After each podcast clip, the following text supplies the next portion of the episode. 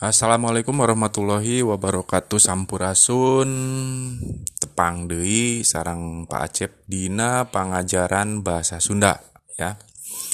Dan pada kesempatan kali ini kita akan sama-sama membahas tentang pakeman bahasa atau dalam bahasa Indonesia disebutnya adalah idiom.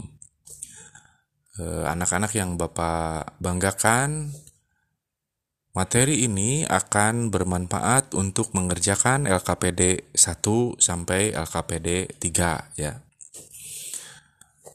E, para siswa SMP Negeri 1 Ciwaringin yang Bapak banggakan, kita mulai ya e, pembahasan materinya, oke. Bahwa yang dimaksud pakeman bahasa dalam bahasa Indonesia disebut ungkapan kata atau idiom merupakan susunan bahasa yang kata-katanya mempunyai aturan tertentu atau unik ya, mempunyai arti yang berbeda dengan arti dari kata yang sebenarnya atau mengandung arti kiasan atau perlambang ya. E, biasanya isinya merupakan pandangan yang baik dan buruk tentang cara berperilaku sehari-hari. Contoh dari uh, idiom ya. Idiom dalam bahasa Sunda atau ungkapan kata dalam bahasa Sunda ada kata panjang lengan. Tidak berarti tangannya panjang, tetapi artinya uh, orang tersebut suka atau sebutan bagi orang yang suka mencuri ya. Sama dengan panjang tangan mungkin dalam bahasa Indonesia ya.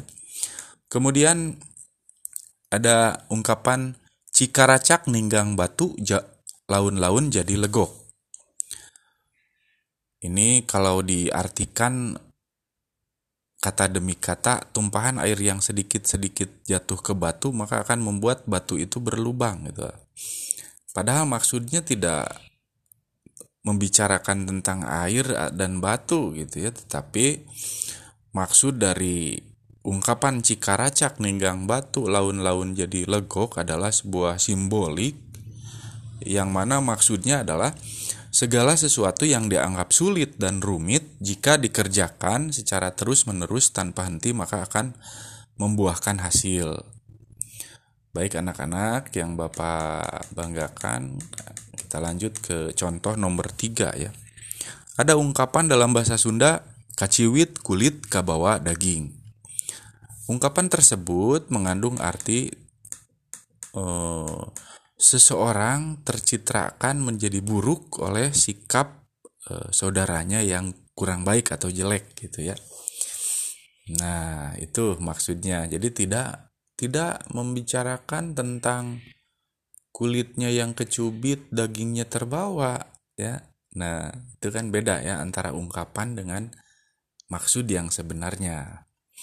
Kemudian ada lagi eh, misalnya jadi jalma teh kudu amis budi kata amis budi itu ya kata amis budi itu mengandung arti baik budinya gitu ya seolah-olah budinya manis gitu.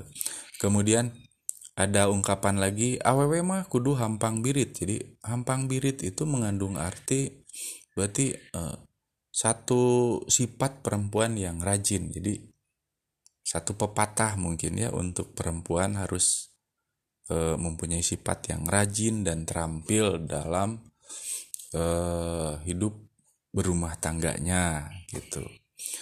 Kemudian apalagi ya? Jadi dapat disimpulkan bahwa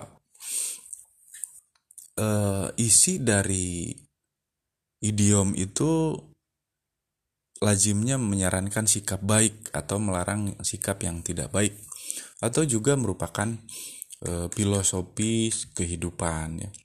Jenis-jenis idiom itu sendiri atau ungkapan kata, ungkapan bahasa ya. Dalam bahasa Sunda ada babasan, ada paribasa, ada rakitan lantip, ada cacandran, ada uga, dan caturangga. Nah, pada kesempatan ini kalian hanya akan dikenalkan empat saja ya. babasan, paribasa, rakitan lantip, dan cacandran. Karena dalam komunikasi sehari-hari orang Jawa Barat, ya khususnya orang Sunda itu termasuk sering menggunakan ungkapan-ungkapan uh, yang empat itu, ya. Lalu apa yang dimaksud babasan ya? Nah, salah satu jenis idiom itu ada babasan. Babasan adalah idiom yang umumnya terbentuk oleh dua kata, merupakan kiasan yang e, menyuruh kebaikan dan melarang keburukan atau atau menggambarkan sifat manusia. Contohnya tadi disebutkan tuh panjang lengan ya atau e, sebutan atau istilah untuk orang yang suka mencuri atau misalnya hampang birit merupakan e, sebutan bagi perempuan yang rajin dan terampil gitu ya Lanjut lagi, paribasa. Ini paribasa ini adalah jenis idiom yang biasanya lebih panjang dari dua kata, tetapi mengandung makna yang lebih dalam daripada babasan ya. Itu juga bisa juga merupakan cerminan atau perlambang kehidupan. Contoh, Cikaracak ninggang batu laun-laun jadi legok. Tadi artinya itu sesuatu yang dilakukan terus-menerus maka akan membuahkan hasil. E, kemudian ada lagi kaciwit kulit kabawa daging. Ini tadi artinya turut tercitrakan kurang baik akibat kelakuan saudara yang tidak baik gitu ya. Kemudian ada lagi e, rakitan lantip. Jenis idiom yang namanya rakitan lantip. Di rakitan lantip ini adalah satu susunan kalimat yang di apa diungkapkan tetapi punya hanya bisa diartikan e, berdasarkan pengetahuan dari kebiasaan berujar atau berkomunikasi menggunakan bahasa tersebut. Contohnya, contoh ke satu nih ya. Misalnya dalam bahasa Sunda ada ungkapan Ujang pang micenken tampolong. Nah, tampolong itu sejenis wadah tempat membuang ludah ya yang suka makan sirih zaman dulu nih. Jadi dalam kalimat tersebut si Ujang tidak disuruh membuang tampolongnya tetapi disuruh membuang isi dari tampolongnya atau wadahnya ya. Kemudian contoh kedua, cai eh maaf, nyai pang maremankeun kompor. Nah, dalam konteks kalimat itu juga si nyai tidak disuruh me apa yang yang disuruhnya itu memadamkan apinya bukan memadamkan kompornya. Masa iya kompor bisa dipadamkan? Yang dipadamkan pasti apinya itu ya. Kemudian ada lagi ungkapan asa sengit nu melem lauk gitu teh misalnya ya maksudnya bukan wangi orang yang sedang melem lauk atau bakar e, iwak ya, tetapi maksudnya adalah e, wangi dari iwak atau bakaran iwak itu sendiri ya bukan orangnya. Kemudian ada lagi ungkapan seperti ini misalnya. Jang letikan tipi teh budak kersare. Nah, ya. Artinya bukan mengecilkan tipinya, tetapi maksudnya mengecilkan volume dari TV-nya. Itu adalah contoh-contoh rakitan lantip. Kemudian ada lagi uh, idiom ya jen, dengan jenis namanya istilahnya cacandran. Kalau cacandran ini uh, ungkapan yang menggambarkan keadaan atau sifat suatu daerah. Ya dan dipercaya ini merupakan gambaran suatu daerah ini sudah ada sebelum zamannya sekarang ini.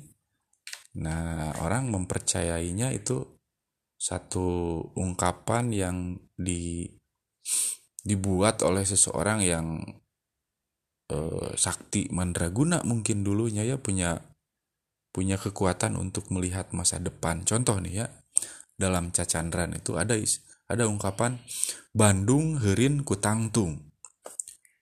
Ungkapan Bandung herin kutangtung bisa dibuktikan sekarang kalau Bandung penduduknya sangat banyak dan lalu lintasnya padat sekali ya.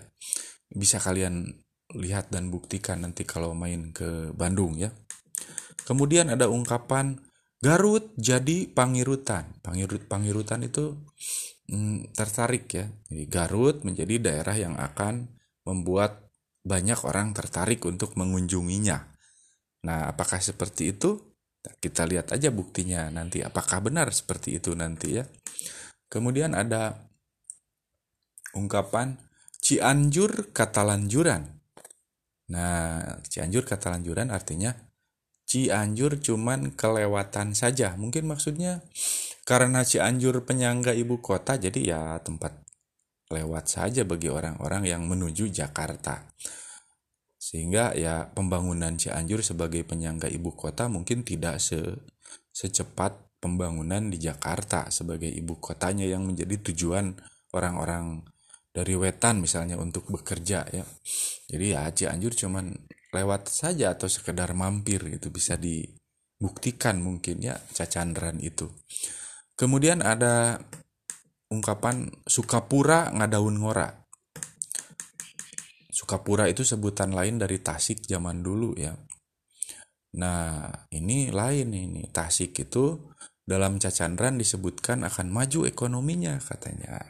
Nah kita eh, membuktikan sekarang juga mm, faktanya orang Tasik memang rajin ya dalam membuat apa eh, semacam itu handicraft semacam itu sehingga baik sendal anyaman itu banyak ke produk-produk yang dihasilkan dari Tasik mungkin itulah sebabnya di antaranya kalau Tasik diprediksi akan menjadi daerah yang maju secara ekonominya.